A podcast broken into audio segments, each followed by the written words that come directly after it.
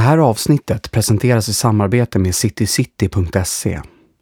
Citycity.se jämför flyg, tåg och buss inom hela Norden. Så om du som jag har familj och vänner i andra städer i Sverige och Norden, låt citycity.se jämföra tåg, buss och flygpriser åt dig. Så spar du tid och kommer billigare undan. Om du gillar flygkatastrofer så vore jag väldigt tacksam om du vill gå in på iTunes och ge podden fem stjärnor och kanske skriva en recension. På det sättet hjälper du podden att växa och nå fler. Tack! Att flyga är säkert. Säkrare än att ta bilen till jobbet. Säkrare än att gå över gatan. Så säkert att du behöver flyga en och en halv miljon gånger för att statistiskt ens vara med om något som kan betecknas som en olycka. Men trots allt sker ibland det otänkbara. Det här är flygkatastrofer.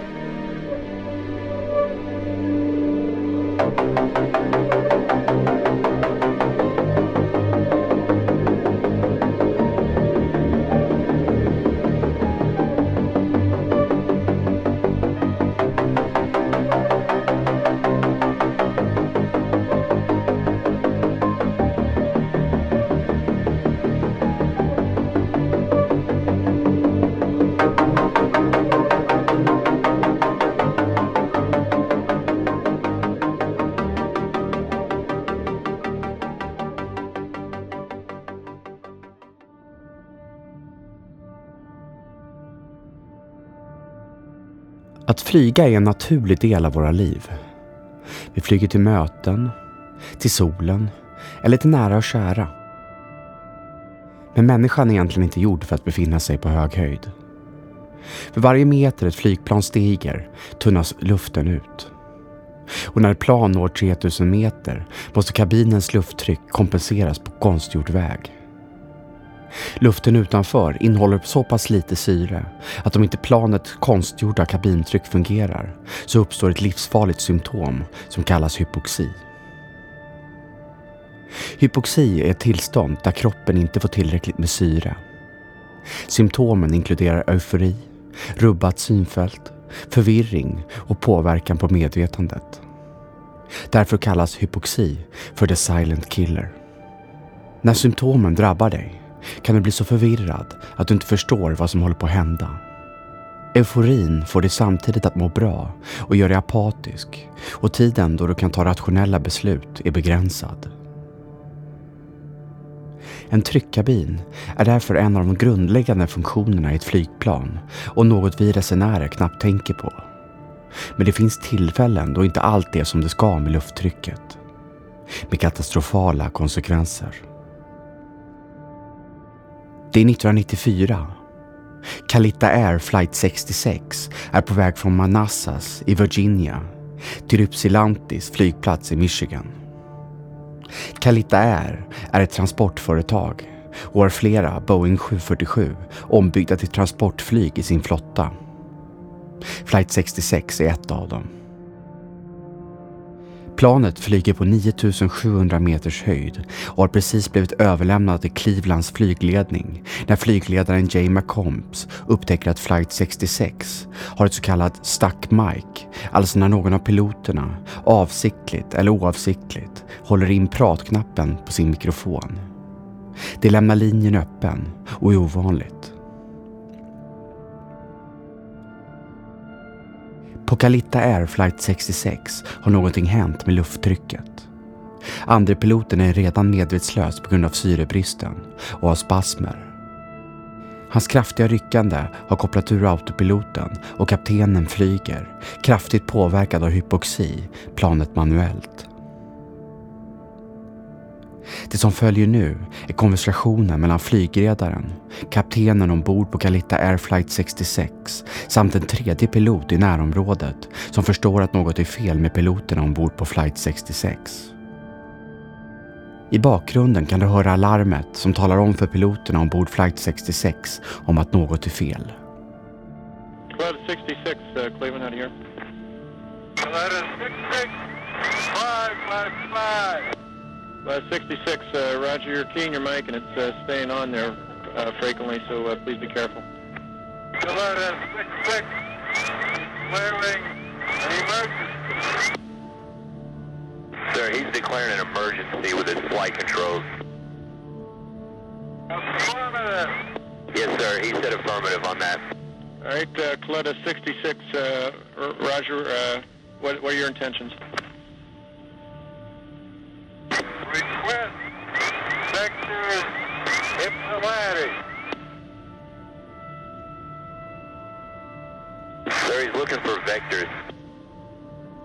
Right, Coletta 66, understand an emergency. You want a vector to Cincinnati, is that correct?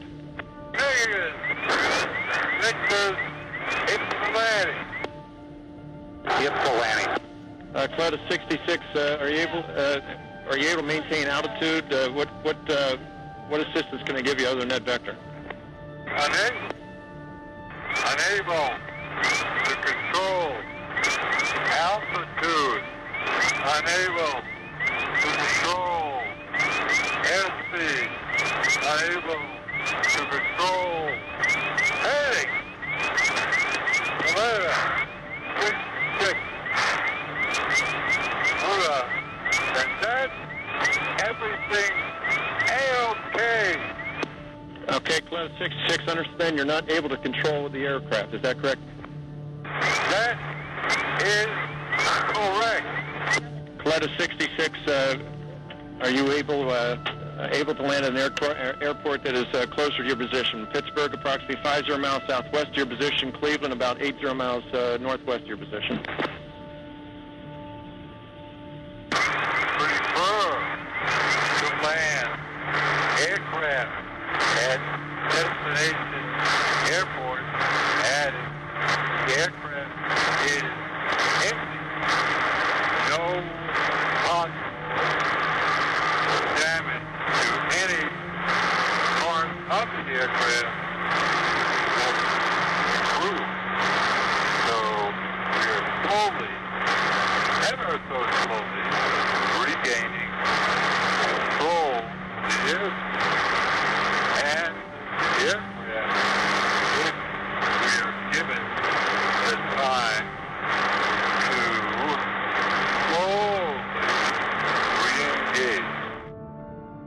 Flygledarna förstår nu att det piloterna ombord på flight 66 lider av är hypoxi och att de snabbt måste få ner planet på en säker höjd.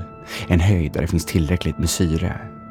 Flygledare McCombs talar om för kaptenen ombord på flight 66 att de måste sjunka. Coletta 66, if able, descend and maintain flight level 260. Descending now to flight level two six zero six six Uh, Coletta 66, uh, uh, are you still uh, requesting a vector for uh, Ypsilanti? Uh, affirmative, sure are. Got the aircraft back. Kaptenen har svårt att styra planet och försöker desperat slå på autopiloten. Men andrepilotens rörelser kopplar hela tiden ur den och kaptenen måste manuellt få planet att sjunka. En fokusering som antagligen räddar hans liv. När flight 66 sjunker förändras kaptenens röst. Han blir mer och mer förståelig och hans reaktioner blir mer och mer professionella. När planet når 3000 meter kvicknar både han och hans andepilot till. Flight 66, can I vector him to the right? I'm trying to hold on. We think he has hypoxia. All right, to the uh, to the right is approved. All right, thank you. Him. Coletta 66, if able, fly heading of 330. Three three zero. Coletta 66, uh, area precipitation 11 o'clock and uh, 15 miles extends approximately 30 miles long over the flight. Okay, we see that. Uh, looks like the right course is good. And Roger, 11,000, Coletta 66. Uh, Coletta 66, Roger, say uh, say intentions. And Coletta 66, uh, destination, yep, landing. Coletta 66, uh, Roger, cleared to the Ypsilanti via direct. Maintain uh, 1 1000. Okay, so let's get around this window. It's the direct Ypsilanti, Coletta 66. And this is Coletta 66, the aircraft is stable at this time. Too late, Franklin. They already shipped. 66, uh, Roger. Again, maintain 1 1000. You are clear direct Ypsilanti. Contact Cleveland Center 120.77. 2077 direct, yep. Flight 66. Senare kommer Kalita Air 66 att landa säkert i Ypsilanti. Incidenten visar att även professionella piloter med stor erfarenhet kan bli tagna på sängen av hypoxi. Men med hjälp av tur och skicklighet samt en flygledning som reagerar snabbt lyckas de reda ut en livshotande situation. Men alla incidenter slutar inte lika lyckligt. 1999 är golfaren Payne Stewarts år. Han vinner US Open, en av de mest prestigefyllda golftävlingarna på touren. Och några månader senare leder han det amerikanska Ryder Cup-laget till seger över Europa. Han är känd för sin flamboyanta stil på golfbanan och kallas ibland för golfaren med störst garderob. En månad efter vinsten i Ryder Cup, den 25 oktober 1999, ska Payne Stewart tillsammans med sina två agenter flyga från Orlando i Florida till Dallas, Texas. Planet är en Learjet 35, ett litet affärsjet med plats för åtta passagerare. Strax efter klockan nio på morgonen lyfter planet från Orlando International Airport. Några minuter senare ber flygledarna planet att stiga till 11 000 meter, något piloterna ombord på planet bekräftar. Efter några minuters stigning ber flygledarna i Florida piloterna på Learjeten att ta kontakt med flygledarna i nästa delstat. Men de får inget svar. Flygledaren försöker under de nästkommande fem minuterna att få kontakt med planet utan resultat. Andra piloter i närområdet försöker samma sak.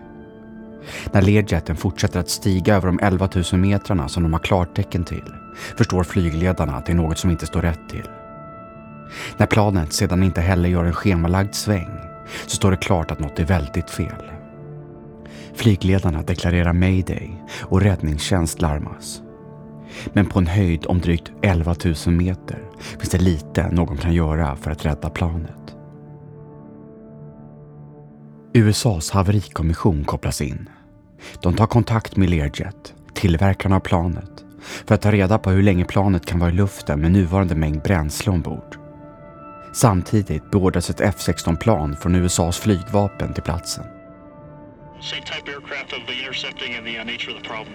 The nature of problem is unknown, and uh, type aircraft is a Lear 35. Media har nu fått nys om dramat som håller på att utspela sig i luften. Och hela den amerikanska nationen är samlad framför direktsändningarna kring spökplanet. Samtidigt har F-16-planet nått Learjeten och piloten försöker förgäves få kontakt med det. Number 47 Bravo Alpha, F-16, can you take left side? Han inspekterar också planet efter några synliga skador, men kan inte hitta några. Han kan inte heller se in i cockpit. Rutorna verkar vara mörka och F-16-piloten kan se något som liknar kondens eller is på insidan av rutorna. Uh, looks like the uh, front to cockpit is uh, either frosted or uh, basically condensed over. I can't see inside the uh, in the cockpit. Now, no response from the uh, target aircraft. As I mentioned, both sides of the cockpit are uh, condensed or frosted over. Could not see in, in the uh, cockpit area. No apparent damage to the aircraft. Did everything look like it was intact? Was there, did it look like there was any damage to the aircraft? I saw uh, no damage to the aircraft uh, that I could see. Med hjälp av de här uppgifterna kan NTSB, USAs haverikommission, ganska snabbt komma fram till att planet måste tappa trycket i kabinen och att de ombord antagligen redan är omkomna. Vita huset håller en presskonferens om situationen samtidigt som NTSB försöker räkna ut var planet kan tänkas slå ner. Beräkningar visar att planet kan nå så långt som North Dakota. Strax efter klockan 12, tre timmar efter starten, är bränslet ombord på Learjeten slut. Planet dyker från himlen och störtar på ett fält nära Mina i South Dakota. Alla ombord omkommer. NTSB kommer inte att exakt kunna fastställa orsaken till varför planet tappat trycket i kabinen. Däremot hittar de ett fatalt fel i piloternas checklistor. Vid ett befarat fel ska piloterna, enligt checklistan, leta reda på felet innan de sätter på sig syrgasmaskerna. Något som kan ha gjort att piloterna hann bli desorienterade och förvirrade innan de hann sätta på sig syrgasmaskerna. Återigen är boven i dramat hypoxi som slagit till på bara några sekunder. Men ingenting kan jämföras med det som sker sex år senare. Helios Airways grundas 1998. Det är ett cypriotiskt lågprisbolag och det första privatägda flygbolaget på Cypern. Affärsmodellen är att flyga charterresenärer från bland annat London, Manchester och Kairo till Larnaca på Cypern. I sin flotta har Helios Airways fyra stycken flygplan av typen Boeing 737. 737 lanserades 1967 och kommer visa sig bli en försäljningssuccé. 737 är idag världens mest sålda flygplansmodell och dominerar marknaden för kort och medeldistansplan. Helios flight 522 har beteckningen 737-300. 300-serien introduceras 1984 och är tredje generationen 737. Den har bättre aerodynamik, bränslesnålare motorer och uppdaterad cockpit med fler datoriserade instrument. Flight 522 levereras 1998 till det tyska flygbolaget DBA. Men efter att flygbolaget köpts upp av Air Berlin leasar Air Helios planet år 2004. På natten den 14 augusti anländer planet till Larnakas flygplats efter att tidigare på kvällen flugit från London. Under flygningen märker besättningen att det kommer konstiga ljud och vibrationer från den bakre dörren samt att den frusit fast. Det här kan indikera att planet har problem med lufttrycket. Under natten gör mekaniker på marken en inspektion av dörren samt planets trycksystem för att leta efter en läcka. På morgonen får planet klartecken att flyga igen. Några minuter efter klockan nio på morgonen den 14 augusti 2005 lyfter Helios flight 522 från Larnakas flygplats. Ombord finns 115 passagerare och sex i besättningen. Kaptenen ombord heter Hans-Jörgen Merten och är 58 år gammal. Han är en rutinerad pilot med över 35 års erfarenhet och har bland annat flugit i det östtyska flygvapnet. Styrman är Pampos Charalombos, 51 år, också han en rutinerad pilot. Vädret är klart och soligt. Alla förutsättningar finns för en behaglig flight till Aten, där planet ska mellanlanda innan det ska vidare till Prag. Men det kommer aldrig att komma fram. När planet efter en dryg kvart i luften når 3700 meters höjd börjar ett alarm ljuda i cockpit. Eftersom piloterna precis lämnat flygplatsen tror de att det är något fel på deras startinställningar. De inställningar du gör på planet innan du lyfter, bland annat på roder och andra system.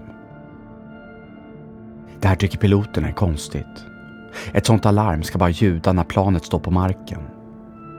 Kapten Merten kontaktar Air Helios servicecentral i Larnaca. Han rapporterar om take-off-alarmet och onormalt stigande temperaturer i datorerna i cockpit. Det tyder på att kylfläktarna inte fungerar som de ska. Kapten Merton undrar var strömbytarna till kylfläktarna finns. Samtidigt börjar också matlarmet att ljuda. Det här gör piloterna ännu mer förvirrade. Mekanikern på marken, som är samma mekaniker som gjort underhållsarbetet på planet tidigare på dagen, frågar om piloterna har satt knappen för tryckkabinen på auto. Mekanikern får inget svar, utan kapten Mertens undrar istället upprepade gånger var strömbrytarna finns. Mekanikern och kapten Mertens har svårt att förstå varandra på grund av Mertens tyska accent. Var är strömbrytarna? skriker till slut kaptenen. Det är det sista meddelandet som hörs från flight 522. Några minuter senare når flight 522 10 000 meters höjd. Samtidigt har det äntrat grekiskt luftrum. Flygledare i Aten försöker få kontakt med planet utan resultat. Totalt görs 19 försök att kontakta piloterna. Flygledarna förstår att något är fel och befarar terrorism. De kontaktar det grekiska flygvapnet som omedelbart skickar upp två F-16-plan för att genskjuta flight 522. Strax efter klockan 11 når de två jaktplanen sitt mål. Ett av F16-planen lägger sig strax bakom flight 522 för att ha möjlighet att skjuta ner det. Den andra F16-piloten flyger upp jämsides med flight 522 och försöker ta kontakt med planet. Han tittar samtidigt in i cockpit för att se om det kan få kontakt med piloterna på det sättet.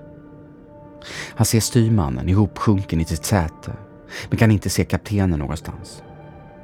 Han rapporterar in detta till flygledningen och fortsätter sedan att titta in i kabinen. Inga passagerare verkar reagera på närvaron av ett stridsflygplan utanför fönstret. Plötsligt ser piloten någon som rör sig i cockpit. Han rapporterar detta till flygledningen som försöker kontakta flight 522. Flygledningen får inget svar.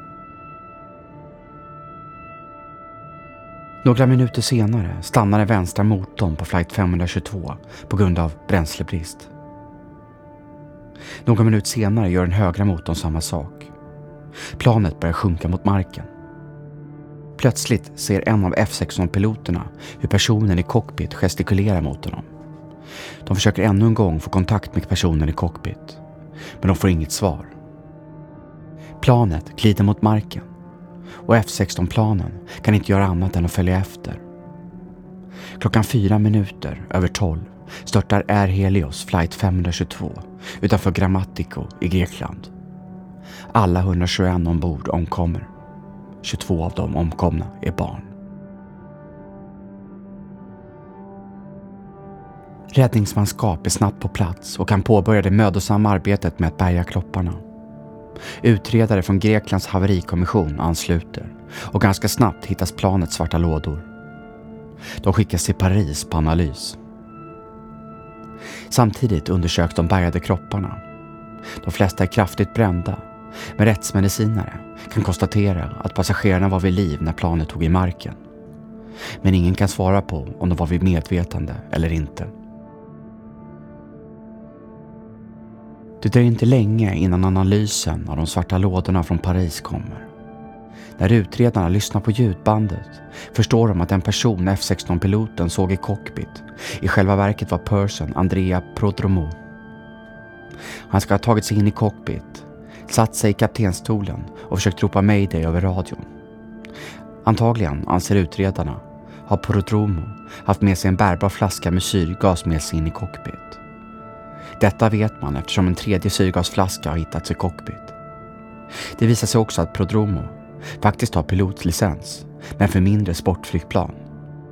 Det finns ingenting som tyder på att han faktiskt hade kunnat landa planet, även om han hade lyckats kontakta flygledningen.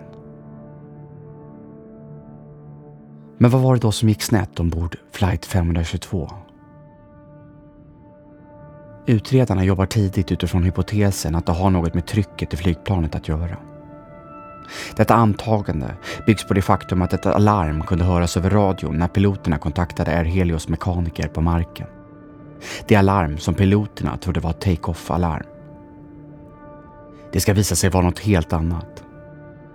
Alarmet är egentligen en höjdvarning som varnar piloterna för att stiga mer eftersom syretrycket inte fungerar.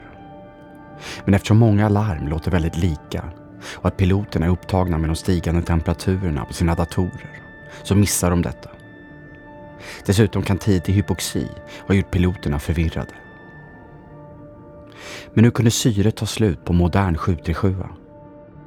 När utredarna granskade underhållsarbete som gjordes natten innan avfärd förstår de att mekanikerna var tvungna att kringgå det system som förser flight 522 med syre. Detta för att kunna testa de olika systemen med hjälp av externa datorer istället för med planets egna motorer. På ett reglage i cockpit märkt Cabin Pressurization eller kabintryck finns två lägen, manual eller auto. När mekanikerna gjorde sin service av planet drog de reglaget till manual. I det här läget har planet inget kabintryck eller syresatt luft överhuvudtaget i kabinen.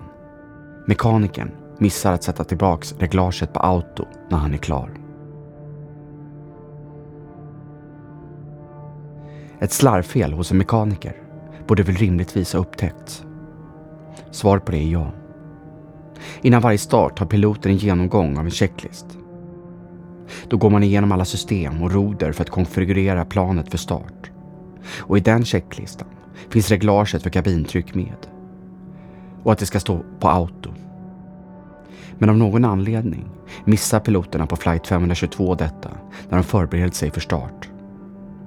Ett slarvfel har nu blivit två och ödesdigra. När Helios flight 522 stiger gör sig The Silent Killer påmind. Antagligen har piloterna under tiden de letade efter orsaken till alarmet som de trodde var för något annat blivit utsatta för tidig hypoxi och blivit mer och mer desorienterade och förvirrade. Till slut är syrehalten alldeles för låg och piloterna tuppar av. 121 passagerare omkommer i det som ska bli den fjärde dödligaste olyckan med en 737. Det här avsnittet dedikeras till alla offer och anhöriga. Tack för att du lyssnade.